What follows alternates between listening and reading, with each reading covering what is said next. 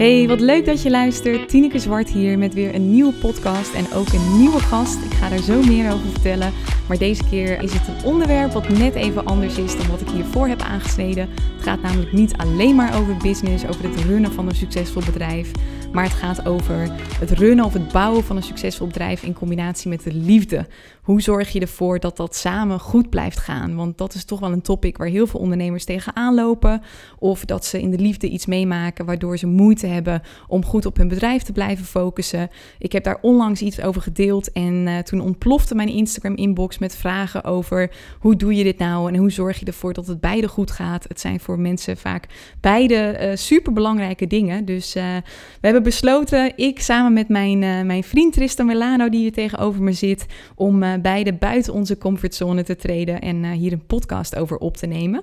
we willen er even bij vermelden dat we dit echt gaan doen vanuit eigen ervaring. Dus de antwoorden die we, die we zullen geven of de inzichten die we zullen delen, dat is puur op basis van eigen inzicht, eigen ervaring, uh, adviezen die wij ooit hebben gekregen. In de liefde is er absoluut geen goed of fout. Dus um, Laat je niet uh, van de wijs brengen door wat wij eventueel uh, zeggen op dat vlak. En uh, wat we gaan doen is, we hebben eigenlijk een hele reeks aan vragen gekregen op dit gebied. Die gaan we beantwoorden en dat gaan we beide onze, onze visie opgeven. Dus op die manier gaan we er doorheen. maar ik wil eerst even het woord geven aan Tristan. Die is natuurlijk nieuw in deze podcast. Dus Tristan, kun jij jezelf even kort voorstellen? Hallo, wat leuk om hier te zijn. Dankjewel Tineke dat je me betrekt bij je podcast. Superleuk. Uh, nou, mijn naam is Tristan, ik ben uh, eh, 38 jaar en ik heb Tineke ongeveer twee jaar geleden ontmoet. Uh, en sindsdien hebben we zo langzamerhand een relatie opgebouwd, super fijn, met de nodige ups en downs. Ja. zelf ben ik momenteel meer actief als life coach en fotograaf. Maar ik reis zo af en toe ook de wereld rond voor destination weddings met mijn maatje Jamie Peters. Alleen door de coronamaatregelen is dat nu wat rustiger. Dus ik heb wat tijd over en ik dacht, uh, laat ik hier ook even mijn bijdrage doen met jou. Superleuk. hey, laten we meteen erin duiken. Ik denk dat we een hele reeks vragen hebben, wat uh, sowieso al even wat tijd gaat kosten. Dus ik ga beginnen en uh, laten we het zo doen dat, dat we gewoon elk ons inzicht daarover delen, alright? Ja, helemaal goed. Helemaal goed. Nou, de eerste die ik kreeg, en deze is heel herkenbaar voor mezelf ook, was iemand die zei: ik heb steeds het idee dat ik moet kiezen tussen mijn bedrijf of mijn liefdesleven. Ik heb niet het idee dat het en-en kan. Dus dat, dat je niet een succesvol bedrijf kunt hebben en een succesvolle relatie. En uh, zij vroeg eigenlijk, hoe kijk jij of hoe kijken jullie daar uh, tegenaan? Ja, ik herken deze zelf heel erg. Ik heb dat ook gehad en hier hebben wij het natuurlijk samen ook wel over gehad. Dat het en-en niet gaat. En dit hoor ik ook heel veel bij mijn klanten, hoor ik dat terug. En uiteindelijk is dat puur een overtuiging, hè, dat, het, dat het niet gaat. Want er zijn mensen die het wel gewoon kunnen. En eh, heel veel mensen die vertellen zichzelf toch, als ik heel veel tijd besteed aan mijn bedrijf, als ik daar een succes van, van wil maken, dan moet ik heel hard werken, moet ik daar super veel tijd aan besteden. En dan kan ik niet meer tijd met mijn partner uh, besteden. En uh, uiteindelijk hoeft dat helemaal niet zo te zijn. Weet je, een succesvol bedrijf hoef je niet per se te runnen met dat je 70 uur per week werkt. Ik denk dat ik nu 40 uur per week werk en in de weekenden zie ik jou ook. Dus um, dat, dat hoeft zeker niet zo te zijn. Ik denk een van de belangrijkste inzichten voor mij daar was dat uh, het kan en en zolang je beide dingen maar met aandacht doet en niet half. Dus ik weet exact als ik met mijn bedrijf bezig ben wat ik op dat moment te doen heb, waar ik op dat moment wel aan ga werken, maar belangrijker nog waar ik op dat moment niet aan ga werken. Dus ik zit heel erg in de, in de actiestand op zo'n moment. En als ik met Tristan ben, dan ben ik er ook echt. Dan is mijn laptop weg, mijn telefoon is vaak weg. En ben je heel erg in het moment. En iemand voelt zich dan ook gezien. Dus, dus dat is een beetje het, eh, de manier geweest waarop ik dat heb kunnen uh, omturnen. Ik weet niet hoe jij dat ziet, Tristan. Ja, ja hoe hebben we dat zelf ervaren? Um, je ziet natuurlijk wel een, een behoorlijk verschil in onze ondernemingsvoering, hoe we dat doen. En ik merk dat jij in bepaalde opzichten net wat ambitieuzer bent. En vanuit mij gezien heb ik wel eens uh, gedacht, oeh, als dat maar goed gaat. Ja. Hè? Want ik zie hoeveel uren je erin kan steken en hoe gemotiveerd je bent en hoe hoog je drive is. Maar dat is gelukkig uh, helemaal goed gegaan. Hoe ik dat zelf heb gedaan, ja, ik ben nu ongeveer 12 jaar zelfstandig ondernemer. En ik heb er zelf altijd voor gezorgd dat ik uh, meer dan genoeg vrije tijd had. Dus uh, als dat betekende dat ik dan wat omzet moest inleveren, ja, dat vond ik eerlijk gezegd dan wel weer helemaal prima. Ja, het is kiezen, hè? het ja. is prioriteiten stellen. Zolang ik zelf gewoon de, de, tijd had die ik voor mezelf nodig had om mijn dingen te doen en tot mezelf te komen en noem het maar op, En daarnaast ook nog tijd had om uh, genoeg uh, tijd te spenderen met mijn geliefde. En dan kom gewoon mijn kosten dekken en wat overhouden. Een vakantie bijvoorbeeld. Nou, dan was ik al heel erg blij. Dat is hoe ik dat deed. En ik denk dat uh, vanuit persoonlijke ervaring, wat wij bijvoorbeeld wel eens gehad hebben, is dat uh, jij ging douchen. Of wat je ook maar deed, je was heel even weg. En dan pakte ik snel mijn laptop en dan ging ik nog even snel wat dingetjes doen. En ja. dat, weet je, dan werkt het niet. Want dan heb jij natuurlijk het gevoel, of had jij het gevoel dat ik liever aan het werk was dan dat ik bij jou was. Ja, ultimately vind ik dat uh, je, je, moet eigenlijk zo'n zo'n weekend kunnen inrichten zoals jij dat zelf wil. Uh, en ultimately is het echt zo dat als ik eventjes een rondje ga lopen of ik ben even aan het douchen, dat jij ook een momentje voor jezelf hebt en dat jij daarin mag doen wat je wil. Maar op het moment dat ik dan inderdaad net met mijn handdoekje uh, de woonkamer inloop en ik zie jou heel naastig aan je funnel bezig, dan, dan krijg ik, kan ik inderdaad als partner de impressie krijgen van wow, ze staat telkens in de startblokken op elk moment dat ik even weg ben om weer meteen aan de slag te gaan. En dan, dan ja, in de beperkte tijd dat we elkaar al zagen, alleen in de weekenden, had ik, voel ik dan minder aanwezigheid. Dat was soms een beetje het geval. Nou ja, en wat dan werkt, tenminste wat voor ons heeft gewerkt, is ook dat uh, op, op dit moment werk ik eigenlijk bijna nooit meer in het weekend. Maar heel af en toe dan gebeurt dat wel eens. En dan is dat eigenlijk gewoon aangeven van hé, hey, ik heb nog wat werk te liggen. Vind je het oké als ik tussen 1 en 2 eventjes wat werk doe? Ja, en, dat is dat soort expectation management dingen. Dat vind ik persoonlijk echt helemaal geweldig. Maar dan weet ik ook van, nou ja, in die tijd kan ik dan eventjes mijn social media een half uurtje doen of whatever. Als ik nog wat administratie te doen had, prima. Ja, nee, het gaat meer om, om dat te kunnen combineren. Is uiteindelijk, denk ik, ons gezamenlijke advies veel meer van zorg dat je present bent. Dat je echt in het moment bent. Want waar het vaak misgaat, waar en en niet samengaat. En of dat nou met een relatie is of met kinderen of met uh, weet ik het wat. Hè. Er zijn zoveel dingen. Op het moment dat je aan je business bezig bent, zorg dat je dat ook echt doet. En ik weet dat dat voor veel mensen op dit moment best wel lastig is. Want door corona zijn veel partners thuis ook aan het werk. Dus zorg dan ook dat je daar weer duidelijke regels in hebt. Van hey, ik hoorde deze week van een klant dat haar vriend de hele tijd bij haar binnenliep op kantoor. Mm. Alsof het een soort van uh, café ook uh, mm. was. En weet je, dus dat, dat, dat werkt dan ook niet. Dus zorg dat je daarin zegt van hé, hey, we zien elkaar dan en dan weer. Dus als, je, als we dan samen zijn, dan zijn we ook echt samen. En, en dan ontstaat er vaak een fijne balans. Dus uh, ik, ik denk dat we daarmee kunnen afsluiten, deze of niet. Wel, maar ik wil nog één ding toevoegen. En dat is over die corona en stellen. Wat ik uh, in mijn omgeving hoor, wat heel erg mee heeft geholpen, is dat een van de twee echt een eigen space heeft, inderdaad. Dus of een woning met twee lagen of voldoende kamers dat je kan afsluiten. Of dat de een inderdaad een kantoortje of een studiootje heeft en dat je even kan ontsnappen. En dat het voor ons best wel makkelijk praten is, omdat wij, uh, hè, we hebben allebei onze eigen woning. Ja. En wanneer het ons uh, fijn uitkomt, dan zien we elkaar. Maar we hebben genoeg vrije tijd. Maar ja, ik kan me voorstellen dat het soms best uitdagingen zijn als je samen woont. Ja, het is duidelijke afspraken, goed communiceren. Oké, top. Nou ja, ik hoop dat dat helpt. Uh, de tweede vraag: wat was eigenlijk het mooiste liefdesinzicht die jullie hebben gehad? Of wat was de beste liefdestip?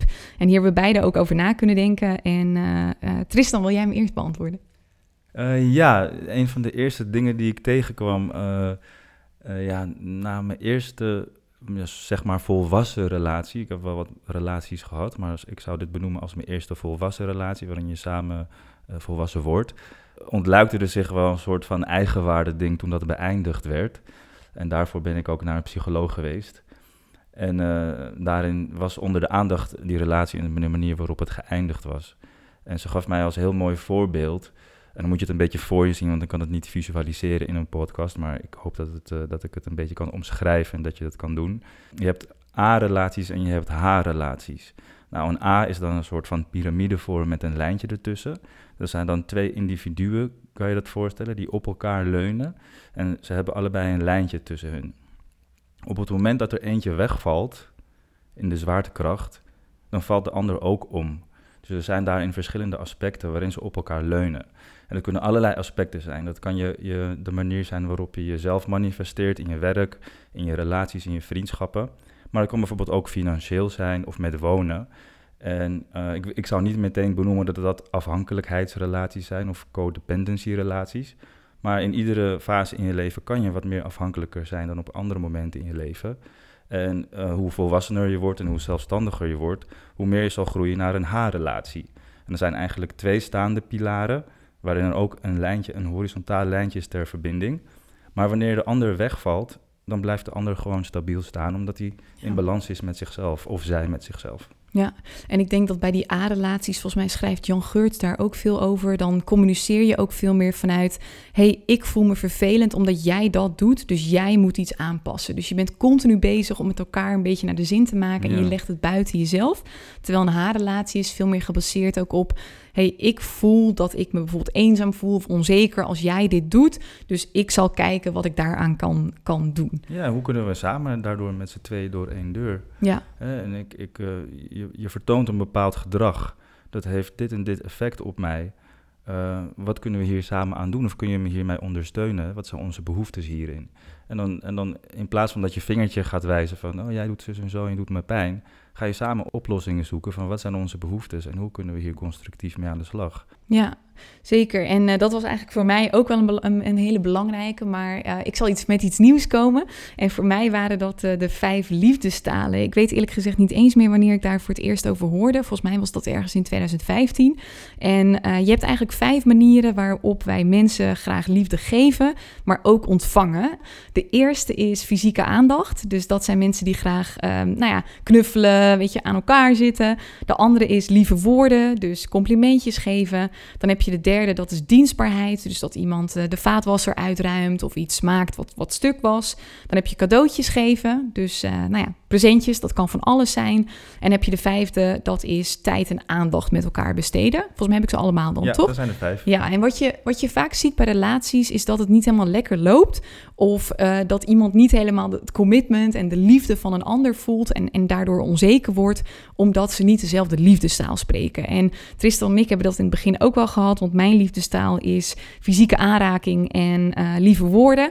Terwijl jouw liefdestaal veel meer ja, tijd en aandacht is. Ja, tijd met elkaar doorbrengen, aandacht, aanraking ook nog wel.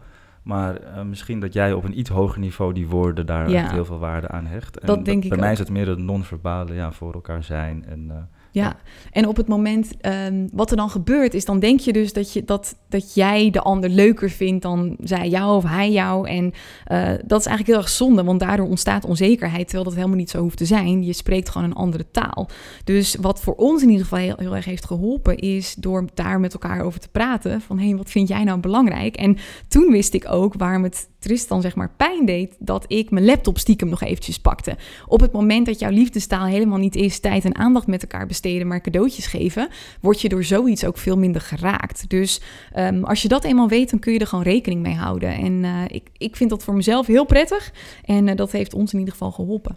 En je merkt het ook andersom, hè? Als er, als er iemand anders in het spel komt, een derde persoon, die jij misschien interessant vindt, dan zou het zo kunnen zijn dat die wel net meer jouw liefdestaal spreekt. En dan is het ook ja. even kijken, hoe ga je daardoor met z'n drieën door één deur? Uiteindelijk dan toch weer met z'n tweeën natuurlijk. Maar dan, uh, ja, hoe meer je daarin ook een match vindt met een ander... en laten we ervan uitgaan dat het iets is wat een open situatie is, wat besproken wordt... dan zal het mij bijvoorbeeld ook wat harder raken... omdat ik dan ontdek dat er daar twee mensen zijn... die iets dichter bij elkaar staan met de liefdestaal. Ja, nou, en daarom zie je ook vaak, dat is vaak een trigger voor mensen om vreemd te gaan ook. Hè? Dat iemand een bepaalde liefdestaal mist in de eigen relatie, vervolgens iemand ontmoet die diezelfde liefdestaal spreekt. En dan heb je dat vaak heel erg gemist, waardoor je met elkaar ja, een bepaalde verbinding vindt. Het zou ongetwijfeld een element zijn, ja.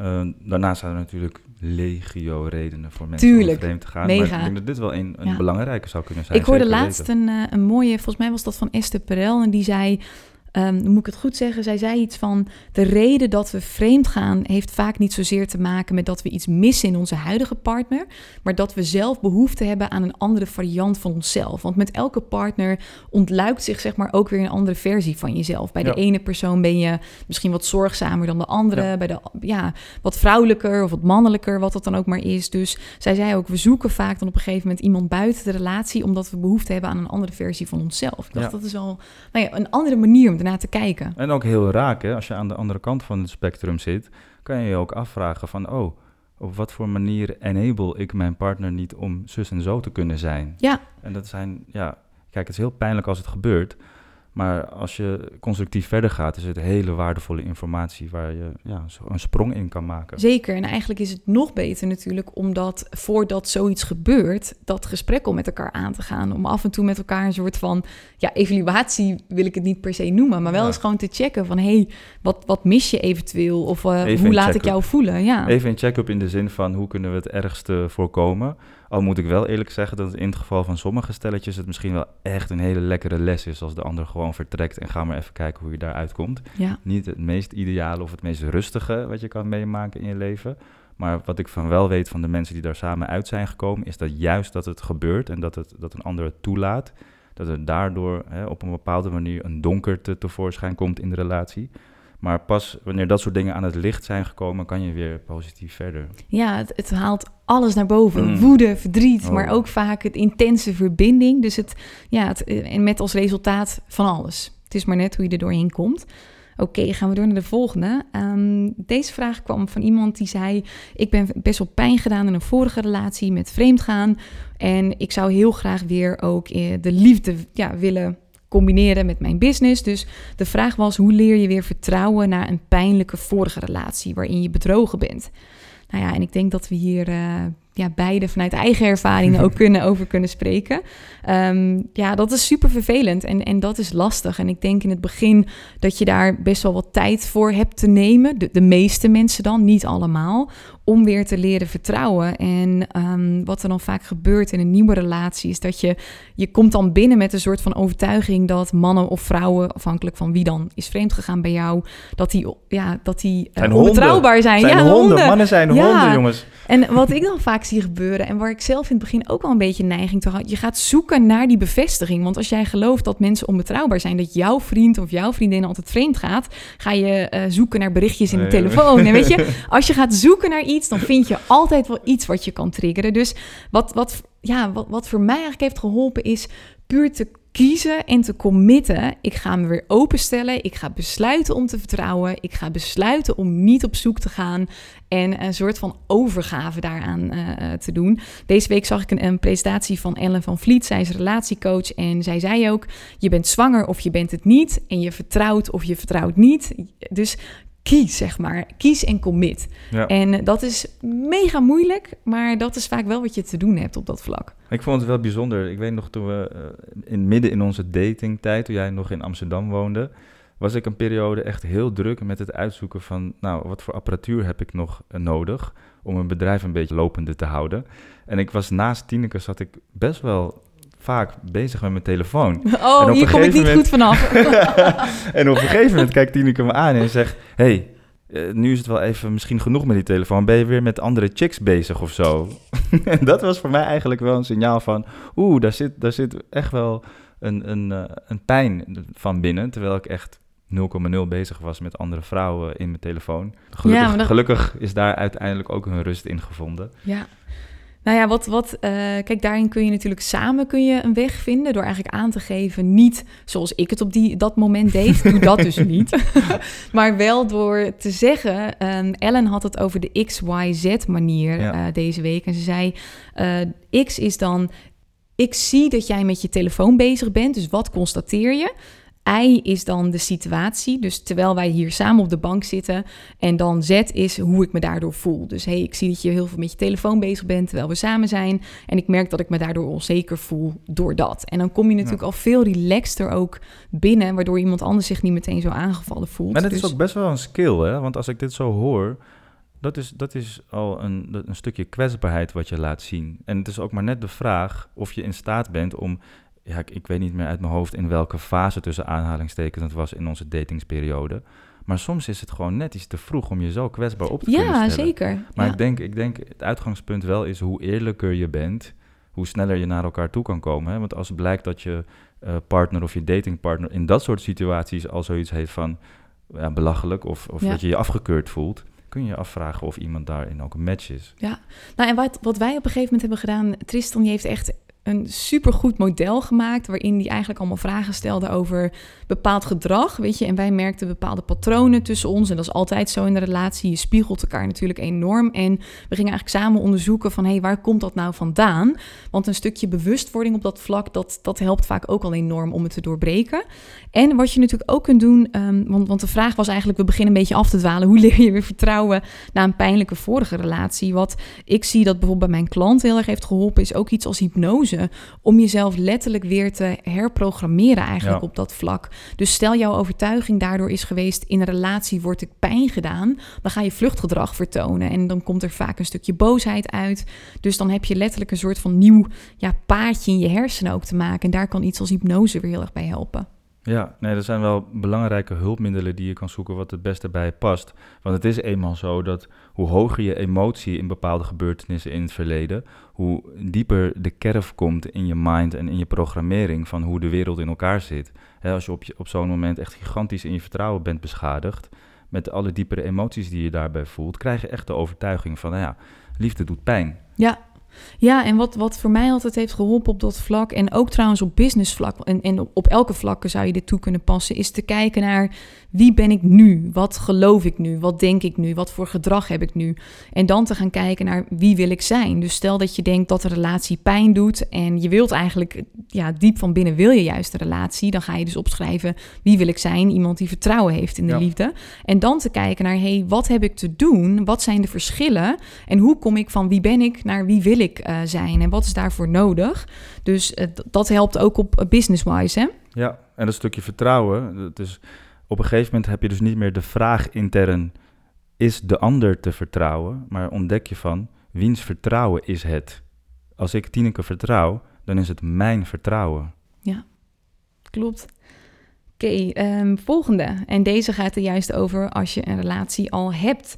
En dat is hoe houd je een relatie sterk op het moment dat je ook bezig bent om je bedrijf op te bouwen of eh, te runnen. Ehm, ja, goede vraag. Ik denk dat het vooral te maken heeft met inderdaad weer teruggaan naar die liefdestalen. Dus wat, is de, wat heeft jouw partner nodig om ook weer gezien te, eh, te worden in die relatie? Dus zorg dat dat eh, sterk blijft. Stel dat dat tijd en aandacht is, dat je op zo'n moment niet gaat proberen om je business te runnen eh, in dezelfde tijd dat je met je partner bent. Of stel dat dat fysieke aanraking is, dan is het vaak ook al oké als je op één dag maar even vijf minuten iemand vasthoudt bijvoorbeeld en iemand echt aankijkt. Dus ik, ik denk dat het vooral daarmee te maken heeft. Wat denk jij? Hoe houd je een relatie sterk?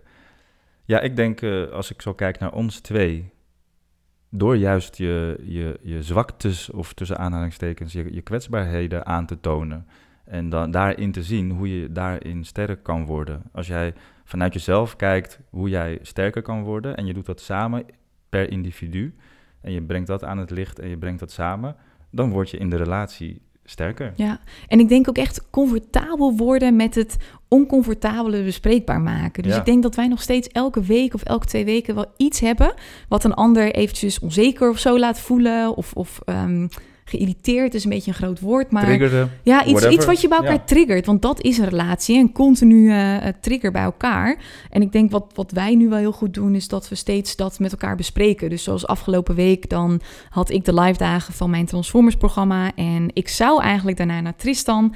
Maar toen eh, besloot ik eigenlijk halverwege dat ik toch maar liever naar huis ging. Ik was zo teleurgesteld. Was hij teleurgesteld inderdaad, maar in plaats van dan geïrriteerd te zijn van waarom kom je niet, belde Tristan me daarna. Zei, wat heb je nodig, zodat je wel daarna bij mij ook kunt zijn. En Want een relatie moet toch wel zoiets zijn dat je ook in dat soort momenten elkaar kunt blijven voeden. Juist als, je- was mijn overtuiging, juist als je eh, een, een, een bijzondere twee dagen hebt gehad. Ik begrijp dat het exhausting kan zijn. Maar als je het gevoel hebt van, wow, ik heb hier echt eh, een mijlpaaltje gehad, ik heb wat te vieren. Hoe fijn is het voor je partner als je dan naar hem toe komt of haar toe gaat en dat samen kan daar vieren. kunt landen, ja. En mijn programmering daar was, want dat is natuurlijk een systeempje in je hersenen wat afspeelt. Ik kan niet bij hem landen, want ik heb even een uurtje alleen nodig. En dat kan niet als ik bij hem ben, want dan moeten we elkaar entertainen. Terwijl dat natuurlijk helemaal niet zo is. Maar dat is even een klein voorbeeld. Dus help elkaar ook continu om eh, dat soort dingen bespreekbaar te maken. En druk het niet weg zo van, ach, dat is maar iets kleins. Want het zijn vaak die kleine dingen die opstapelen, wat uiteindelijk een soort van bom wordt die gaat ontploffen. De druppel die de emmer doet overlopen. Precies. Als ik daar nog even iets aan mag toevoegen, wat ik heel fijn vind aan jou, is dat als we iets bespreken of er is een pijnpunt en we komen er op een goede manier uit, is dat ik merk dat het nooit meer terugkomt. Hè, in het begin eh, Ja. kon je nog wel eens een, een, eh, een soort van lijstje bijhouden. En toen dit en toen dat en nu weer dit. en, en daar moet je dus echt mee uitkijken in een duurzame relatie. Dat je geen wrokjes vasthoudt of dat dingen zich opbouwen, zodat je iemand anders weer daarmee kan pakken als er weer iets gebeurt. Op die manier ondermijn je eigenlijk een goede basis van je relatie. Als je iets hebt opgelost, probeer dan ook echt met z'n tweeën te peilen van... is dit voor jou opgelost? Is dit voor mij opgelost? Zijn we hier blij mee? Oké, dan kunnen we dit achter ons laten en dan gaan we verder. Ja. En dan kijken we wel weer bij het volgende ding wat we tegenkomen. Precies. En als iets dan ook blijft terugkomen, ga dan nog dieper graven. Want soms ben je op een partner uh, ook iets aan het projecteren, nog een bepaalde boosheid, wat je eigenlijk jegens je ex voelde, of jegens je, je moeder of je vader. Dat ga je vaak projecteren op degene van wie je het meeste houdt, omdat die het dichtst bij je staat. Dus soms heb je ook iets dieper te gaan dan de relatie tussen jullie samen. Ja. Oké, volgende. Um, hoe laat je je ex los? bedoel Moeten we beide even over nadenken. Ja, bedoel je dan, als je dat vraagt, laten we het eventjes opdelen in twee vragen. Want hoe laat je je ex los in de tijd dat je nog met hem of haar samen was en dat je merkte dat het niet meer werkte, maar dat je dan toch de stap nam om weg te gaan? Of hoe laat je je ex los in je huidige eh, relatie? Dat, ja. Want ik heb oh. met die dame gesproken, die, ik kreeg dat berichtje via Instagram en uh, ik heb dit ook gevraagd van, hey, is het lang geleden of kort, ben je alweer in een nieuwe relatie? Wat is de situatie? En dat was eigenlijk dat ze alweer een beetje in een nieuwe relatie zat. Maar ook nog merkte dat er allerlei patronen door haar ex, zeg maar, in zaten. Ja, interessant. Dus hoe laat je dat dan los? Nou, vertel eens. Daar hebben wij wel een paar... Ja. Uh, we kunnen natuurlijk niet alles vertellen. in het begin... Ik had dit ook in mijn notitie opgeschreven... dat je mm, in het begin helemaal op een wat latere leeftijd, als je wat ouder bent, dan kom je natuurlijk met je, met je rugzakje, zoals ze dat altijd zeggen. Kom je, ik denk dat je dan een beetje nog een relatie hebt met z'n vieren. Die dertigers met hun rugzakjes. Ja, oh, zo anders dan die, dan die naïeve, pure jonge twintigers die bij elkaar komen en heel fris nieuw die begin nog niet al die pijntjes hebben. Nee, maar in het begin uh, denk ik dat je toch een beetje een relatie met z'n vieren hebt. Dat hadden wij ook met z'n tweeën. Er waren nog heel veel dingen waardoor jij dacht, waarom doe je dat? En dat kwam dan nog door nou ja, mijn relatie met mijn ex of bij jou was dat ook met je, met je vorige ex. Dus um, ik denk dat je dat grotendeels zelf wel hebt te doen. Door, uh, nou ja, wat voor mij dan werkt, is inderdaad coaching en hypnose en allemaal dat soort dingen. Jij hebt weer andere dingen gedaan. En dat je dat ook um, ja, deels samen wel kunt doen. Ook weer door die, door die gesprekken daarover te voeren, te kijken waar iets vandaan komt. En op die manier, ja, ik vind het eigenlijk wel een lastige vraag. Ja, nou ja, als partner, ik denk dat dat een, een, je partner ook een belangrijk sleutelfiguur is in de acceptatie ervan dat zoiets gewoon soms iets langer kan duren. als ik merk dat Tineke op een bepaalde manier reageert, die, die uh, niks met ons te maken hebben, maar meer met haar ex, om dan ook niet in mijn eigen pijn te schieten van godverdomme is die ex hier weer aanwezig, terwijl ik eigenlijk met Tineke een relatie wil hebben. Eh, sommige dingen kosten tijd. En hoe, hoe vervelender of hoe hardnekkiger bepaalde patronen waren tussen twee mensen, hoe langer ze bij je blijven. En uh, ik, vind het belangrijk dat je als partner elkaar ook de ruimte moet kunnen geven om daar stapje voor stapje overheen te komen, ieder zijn eigen tempo. En dan ook gewoon centered te kunnen blijven van, nou ja, goed, dat die ex af en toe een rol speelt. Dat heeft niks te maken met mijn kwaliteit naar mijn partner toe. Ja. gun iemand even die space. En ik denk dat, want wanneer het vaak vervelend wordt, is op het moment dat de andere partner, de nieuwe partner, dat die zich eraan irriteert, bijvoorbeeld. Ja, het kan ook, kunnen ook gevoelige dingen zijn natuurlijk. Ja. Hè? En het is natuurlijk ook een beetje verschil, hè? want hoe laat je je ex los? Gaat dat dan over de, de patronen die je nog door hem of haar uh, hebt in een nieuwe relatie? Of gaat het dan echt over bepaalde gevoelens die je nog hebt over een, e-, voor een ex? Ja, interessante vraag. Want het kan, kunnen natuurlijk ook dingen zijn die jij intern met jezelf meedraagt in je eigen systeem. Of vanuit je eigen systemische achtergrond met je, met je familie. En is, is, is heel belangrijk dat je bewust onderscheid maakt daarin. Klopt, denk het ook. En ik denk wat um, dat je samen gewoon heel veel dat je elkaar de tijd mag gunnen om dingen opnieuw te herschrijven. En ik denk waar het vaak misgaat, helemaal als je wat ouder bent. We hebben een beetje het idee gekregen dat een nieuwe relatie altijd helemaal lovey-dovey en zo hoort te zijn. Dat je helemaal jezelf erin verliest. Maar uh, in de realiteit is dat 9 van de 10 keer is dat gewoon niet zo. En, en trigger je elkaar enorm. Weet je, relatie is echt groeien. Um, dus ik denk, en daarin kom je natuurlijk ook heel veel patronen tegen die nog komen door een ex. Dus ik denk dat je daar ook gewoon enigszins geduld met elkaar moet hebben. Want een van de voorbeelden die wij dan hadden, was dat ik in het begin bijvoorbeeld echt nou, ons bijna doodreed in de auto. Omdat ik, omdat ik zo bang was. En het erge is nog dat jij niet overal van die mooie handgrepen hebt. Dus ik moet me dan echt aan de, aan dashboard vasthouden. En kijk uit, een voetganger, kijk uit, een scooter links. Maar waar, waar dat door kwam, was omdat mijn ex, die was altijd heel bang bij mij in de auto. Of die kon daar een heel moeilijk de controle loslaten. Dus die werd altijd super boos op mij in de auto. Waardoor ik echt een angst had ontwikkeld. Niet voor rijden, Want in mijn eentje was ik prima. Met vriendinnen was het helemaal oké. met mijn ouders. Met alleen met een man. Ja. Ja, is dikke vette stressprogrammering. Dus daar heb je dan ook samen weer naar te kijken. En inmiddels is dat voorbij. Goed, hè? Dat overwonnen. nou, ik hoop dat dat antwoord eh, helpt. Nee, bij mij was het nog niet voorbij. Ik heb nog steeds stress. Ja, nog steeds stress inderdaad. Ik zie je altijd heel druk in alle spiegels kijken en zo. Ik wil er nog één laatste ding aan toevoegen, aan exen en loslaten. Ik denk dat het ook belangrijk is dat je eh, niet moet vergeten... eh, natuurlijk hebben exen hele diepe eh, impact op ons en dat kan echt sporen achterlaten. Maar exen laten ook soms hele goede dingen achter. Hè? Eh, eh, bedenk het zelf. Dingen die je fijn had samen, eh, waardoor, waardoor je jezelf ontwikkeld hebt als mens, die je ook weer meeneemt in je nieuwe relatie. Kijk af en toe ook daarnaar, want het kan ook heel waardevol zijn. Mooie. Hoe blijf je, ondanks dat je liefdesverdriet ervaart, en ik heb daar zelf even aan toegevoegd, of dat je problemen hebt in je huidige relatie, want dat kan natuurlijk ook, toch gemotiveerd om aan je bedrijf te werken? Want wat er vaak gebeurt, en dit vul ik even aan vanuit eigen ervaring, niet per se mijn eigen ervaring, maar meer wat ik ook zie bij mijn klanten, is dat, ehm, dat we onze business een beetje loslaten op het moment dat we eh, problemen in de liefde ervaren, omdat dat dan ons helemaal consumeert. Mm. Dus hoe zorg je ervoor dat je dan toch gemotiveerd aan je bedrijf blijft werken?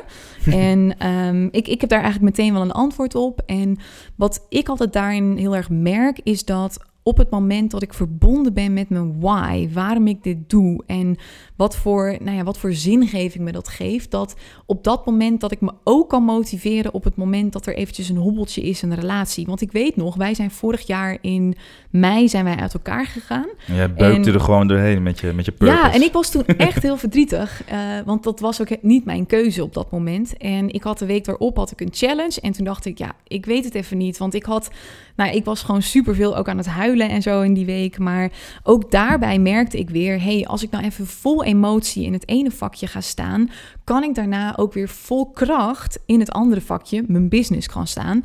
En ik heb toen op dat moment heb ik mijn beste lancering ooit gedraaid ehm, voor een bepaalde, eh, voor een bepaald programma. Laat Dus- me even weten als je weer een lancering hebt, dan vertrek ik. Klopt. Nee, en ik denk dat je het ook wel kunt omturnen. Wat, wat, je kunt er dan, je kunt het eh, twee betekenissen geven. Hè? Je kunt gaan zeggen van de relatie is voorbij, ik kan helemaal niks meer. En je kijkt er op die manier naar. Of je denkt, shit, mijn relatie is voorbij, maar ik heb nog zoveel meer in het leven. En ik, ik wil er op die manier, nou ja, gewoon.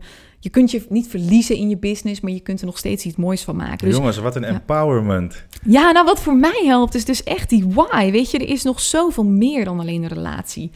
Klopt. Dat heeft voor mij geholpen. Ja. Wat, wat, wat heeft voor jou geholpen? Ik ga dat gewoon echt heel ervaren? zielig in een hoekje zitten wegkwijnen en laat al mijn klanten gewoon schieten. Ik zeg, hey, volgende week ben ik er weer. Ik ga eventjes een weekje bijkomen. Nou ja, hey, en dat mag ook, hè? Ja, ik maak er een grapje over, maar eh, zo hebben we alle, allemaal onze eigen copingmechanismes. En eh, ik, ik, ik kan me er niet helemaal in verplaatsen hoe Tineke zich voelde op dat moment, want ik was bezig met andere dingen. Alleen, eh, ik kan me wel herinneren op momenten dat de liefde een grote rol speelde. Eh, of dat ik eh, een deuk had opgelopen in mijn ego, ik was heel verdrietig of wat dan ook. Dat ik daar gewoon echt even de ruimte voor nodig had. En die nam ik dan. Ja. En dat is het mooie van een eigen bedrijf. Je kan het zelf inrichten. En eh, klanten hoeven ook niet alles te weten. Maar als ik zeg, van, oh, ik loop even tegen wat persoonlijke dingen aan. Ik ben over een weekje weer terug.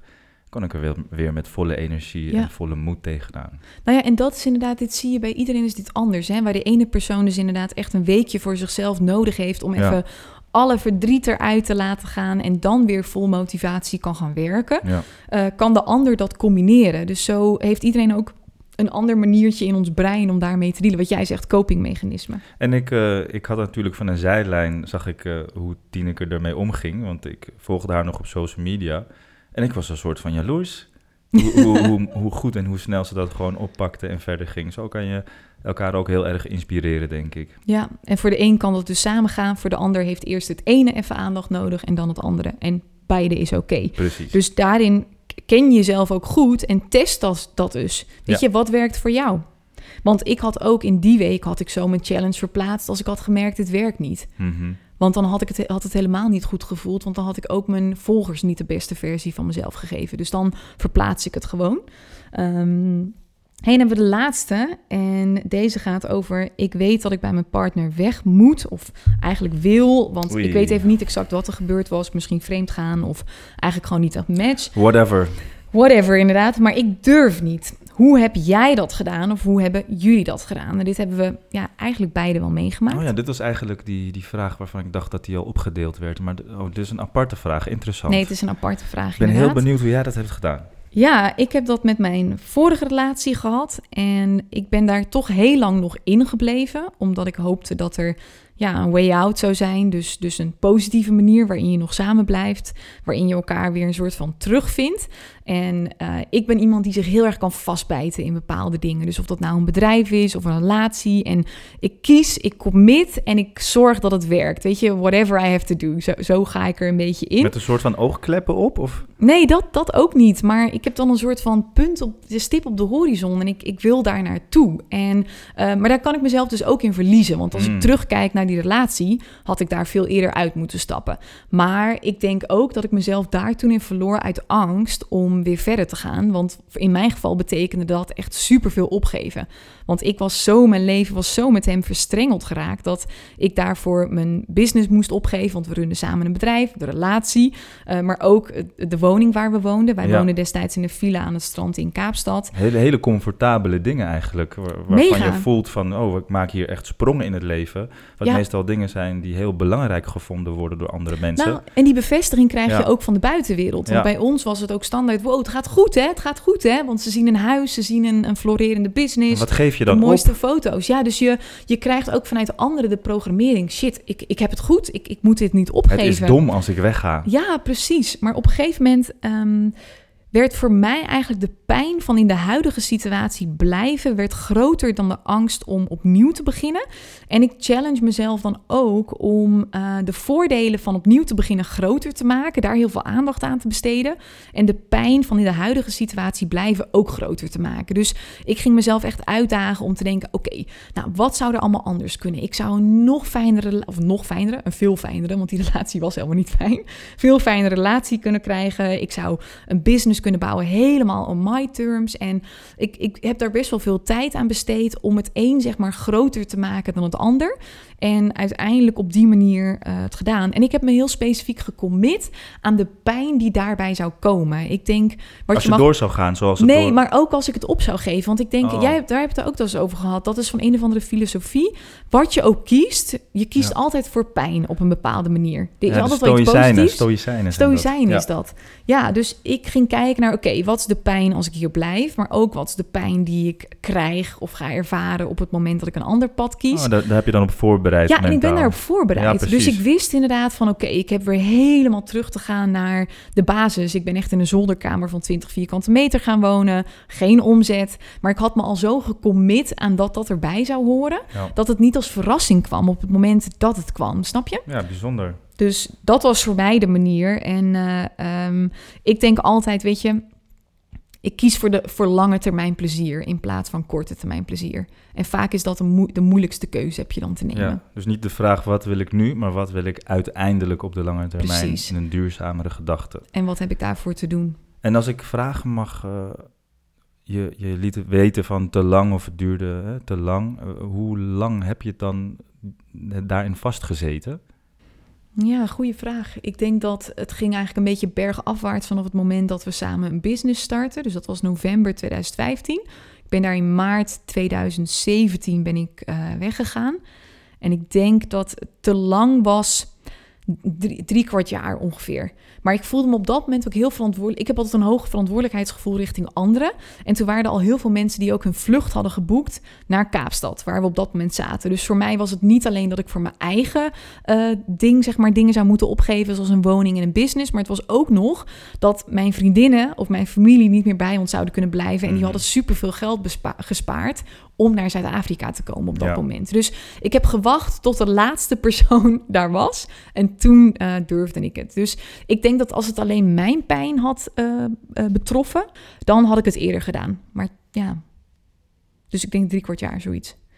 En wat is, wat is jouw antwoord hierop? Mijn antwoord daarop, ja, ik weet niet het allerfijnste van eh, codependency en afhankelijke relaties. Ik heb er wel het een en ander over gelezen. Ehm, bij mijn relatie, wat ik moeilijk vond om daar afscheid van te nemen, speelde vooral dat, eh, ik wil niet zeggen dat, er, dat ze vreemd was gegaan, maar aan de andere kant van het verhaal voelde het wel zo. Zoals plotseling met de Noorderzon verdwenen tijdens een reis die we samen zouden maken. En toen we dat eenmaal te boven waren gekomen, hadden we weer geprobeerd er wat moois van te maken. Maar ik merkte dat ik in een loopje kwam van, oh, wat is het weer fijn en ik kan er weer het beste van maken. En dat er af en toe toch wel heel erg uh, weer oude pijn naar boven kwam. Wel uh, vergeven, maar niet vergeten. En um, dat zat voor mij een gelukkig verder gaan in de weg. en ja, daarin zat ik ook een beetje vast van, ja, ga je weg of blijf je? En uh, sowieso had, had mijn hele omgeving al zoiets van: wat de fuck doe je nog bij deze chicks? Is gewoon zomaar weggegaan en dat, dat kan niet. Uh, je moet er eigenlijk gewoon niet meer zien. Maar ik had aan mezelf nog wat te laten zien en op zijn minste onderzoeken of ik er nog wat van kon maken. Nou, zag ik dat het structureel niet werkte en dat we weer in een soort van verval of patronen kwamen, dat het niet meer fijn werd. Dan moest ik me daarvan losmaken. Nou, was wel een stap. Ja. Uh, echt, echt zien van welke loop zit ik kom ik er zelf uit en hoe ver kan de ander mij hierbij ondersteunen? Lukt dat niet, stap er dan uit. Ja, en ik denk dat je soms juist eerst nog nader tot elkaar moet proberen te komen. Om een soort van dan nog het laatste stukje bewijs te krijgen van hé, hey, ik heb er alles aan gedaan. Dat maar het, werkt echt niet. En vanuit rust ja, kunnen vertrekken. Ik, ik, had niet zomaar kunnen vertrekken. Ik was zo gek op die chick. Ik had echt zoiets van uh, ik moet het gewoon even proberen. En toen achteraf gezien was het ook echt zo dat ik, dat ik mezelf in de spiegel aan kon kijken en zeggen van ik heb het in ieder geval geprobeerd. Ja, en dan op een gegeven moment ook kijken naar: hey, kan ik nog steeds de persoon zijn in het bijzijn van mijn partner die ik ook wil zijn? Want op een gegeven moment wil je ook, en helemaal als ondernemer, hè, je wordt steeds, wat Tibor ooit tegen mij zei, de persoon die je nu bent, met de overtuigingen die je nu hebt en de persoonlijkheid die je nu hebt, die kun je niet blijven als je wilt groeien met je business. Dus ik zit nu bijvoorbeeld in een fase dat in het begin was ik heel erg van ik kan alles zelf en ik doe dat wel alleen en ik kan hard werken. Nee, dat is, dat is opvallend. Dit is echt de mannelijke energie. Dit is een beetje de mannelijke energie. En ja, die kwam en ook nu, naar voren tijdens die training, toch? Ja, en nu kom ik veel meer in uh, een fase dat ik denk, ja, maar ik, als ik wil groeien, dan heb ik los te laten. Want ik kan niet, ik wil niet meer uren erin stoppen. Ik kan er meer uren in stoppen, maar ik wil niet meer uren erin stoppen. Dus ik heb te veranderen als persoon en ik heb de overtuiging los te laten. Ik kan alles alleen naar, ik kan samen nog veel beter. En um, dat merk je natuurlijk, de effecten daarvan ga je ook merken in de relatie. Want je verandert door je business, je verandert daardoor in je relatie. En het is continu elkaar weer proberen terug te vinden ook. En uh, op een gegeven moment voor jezelf ook de vraag stellen als je twijfelt van bij een bepaald persoon, kan ik nog de persoon zijn bij hem of haar die ik ook wil zijn? En als dat echt niet meer gaat, dan is het op een gegeven moment loslaten. En weet je, dat is ook oké. Zijn allemaal inzichten en vaardigheden die je weer opdoet gaandeweg met je bedrijf, maar ook per relatie die je hebt. Ik denk, eh, de ene man heeft weer een hele andere uitwerking op je dan de andere man. Zeker. En uh, heb je weer andere uitdagingen ja. aan te gaan. En, maar ik denk dat je in elke relatie gewoon uitdagingen tegenkomt. En, uh, je bent nooit uitgeleerd. Het is nooit zo van, oh, ik ben nu zo uh, verlicht of spiritueel helemaal in orde. ik, vanaf nu gaat alles goed.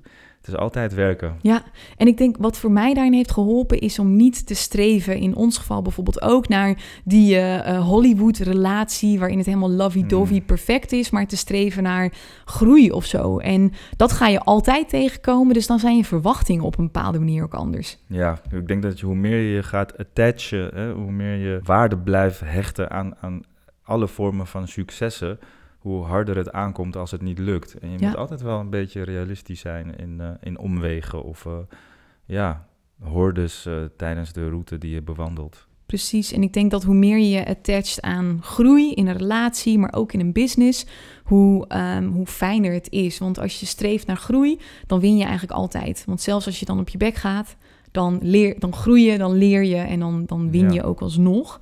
Ik denk dat we ook wel niet moeten onderschatten wat je nog tegenkomt hè, in, in een mensenleven. Dus, ja. uh, dat soort, uh, het is heel fijn om zo optimistisch te zijn, maar wij zijn nog redelijk jong en pril in onze relatie. En straks komt er misschien een gezin of je weet nooit wat voor andere grotere events je tegenkomt.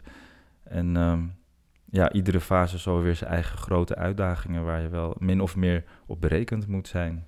Klopt. En ik denk dat heel veel uitdagingen die komen ook onverwachts. Of dat kun je van tevoren gewoon niet ja, inschatten hoe dat gaat verlopen. Dus daarin ook weer gewoon bij, met elkaar blijven communiceren. Kwetsbaar en open opstellen. Oké, wat voel ik nou?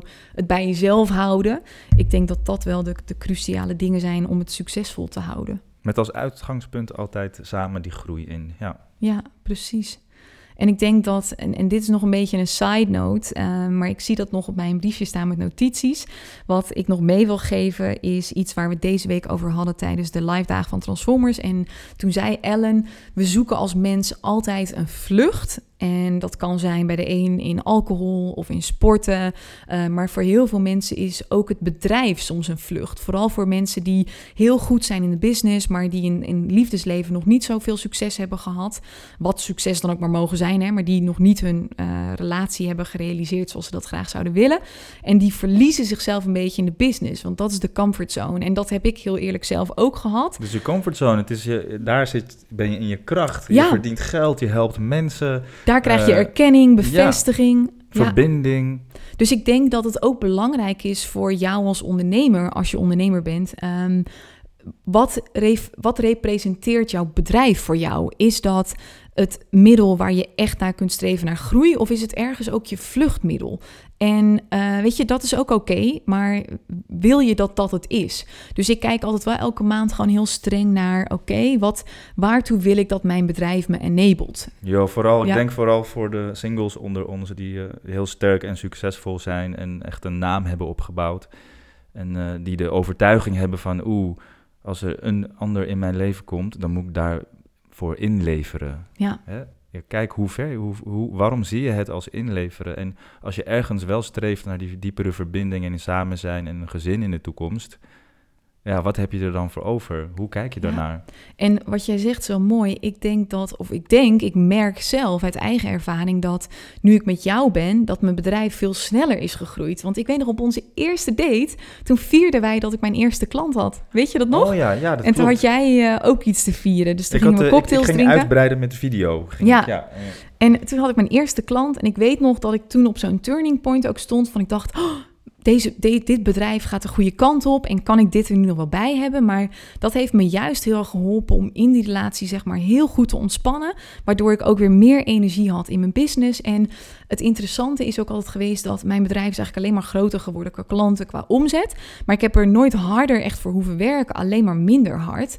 En ehm, eh, dat, dat heeft ook een bepaalde naam, Par Parkinson's Law of zo. Of, ik, ik weet dat even niet, maar maakt ook niet uit. Maar de tijd die je hebt of die je ergens aan dedicate, dat is eigenlijk vaak ook de tijd waarin het je gewoon lukt. Dus uh, op het moment dat je echt voor een relatie wilt gaan en daarvoor moet je twee uurtjes inleveren als het ware vanuit je business, dan lukt het je vaak ook wel. Want opeens ga je sneller werken of minder lang twijfelen over iets. Dus um, mijn ervaring is dat het elkaar heel erg kan versterken. Cool. Ja. Dankjewel. Hey, heb jij nog laatste woorden, Tristan, of niet? Ik heb nog wel wat laatst. Is het al klaar? Hoe lang zijn we al bezig? Ja, ik heb geen idee. Ik ben de tijd echt compleet verloren. Maar Uh, toch maar we hebben in ieder geval alle vragen beantwoord. We hebben in ieder geval alle vragen beantwoord. Nou, ik heb nog wel één ding te vertellen. En dat is dat je natuurlijk wel eens eh, op social media hele mooie quotes tegenkomt. Van, eh, van mensen die eh, een, een mooie foto van zichzelf plaatsen of eh, stelletjes die je ziet. En één daarvan was: Je kan van een ander houden en je kan een ander accepteren. Zo diep als dat je van jezelf houdt en als dat je jezelf accepteert. Soms lees je van die dingen en dan denk je: Oh, mooi, weet je, oh, mooi. Maar met jou snap ik nu wat dat betekent. Oh, Dank je wel daarvoor. lief. Dankjewel. Dan eh, denk ik dat we hem hiermee eh, af mogen sluiten. Dankjewel voor het luisteren en eh, hopelijk tot een volgende podcast. Ja, en Tineke, super bedankt dat ik hier als gast mocht zitten. Ik vind het heel bijzonder dat je me betrekt bij je business ideetjes. En eh, voor de luisteraars, eh wij hebben niet de absolute waarheid in pacht.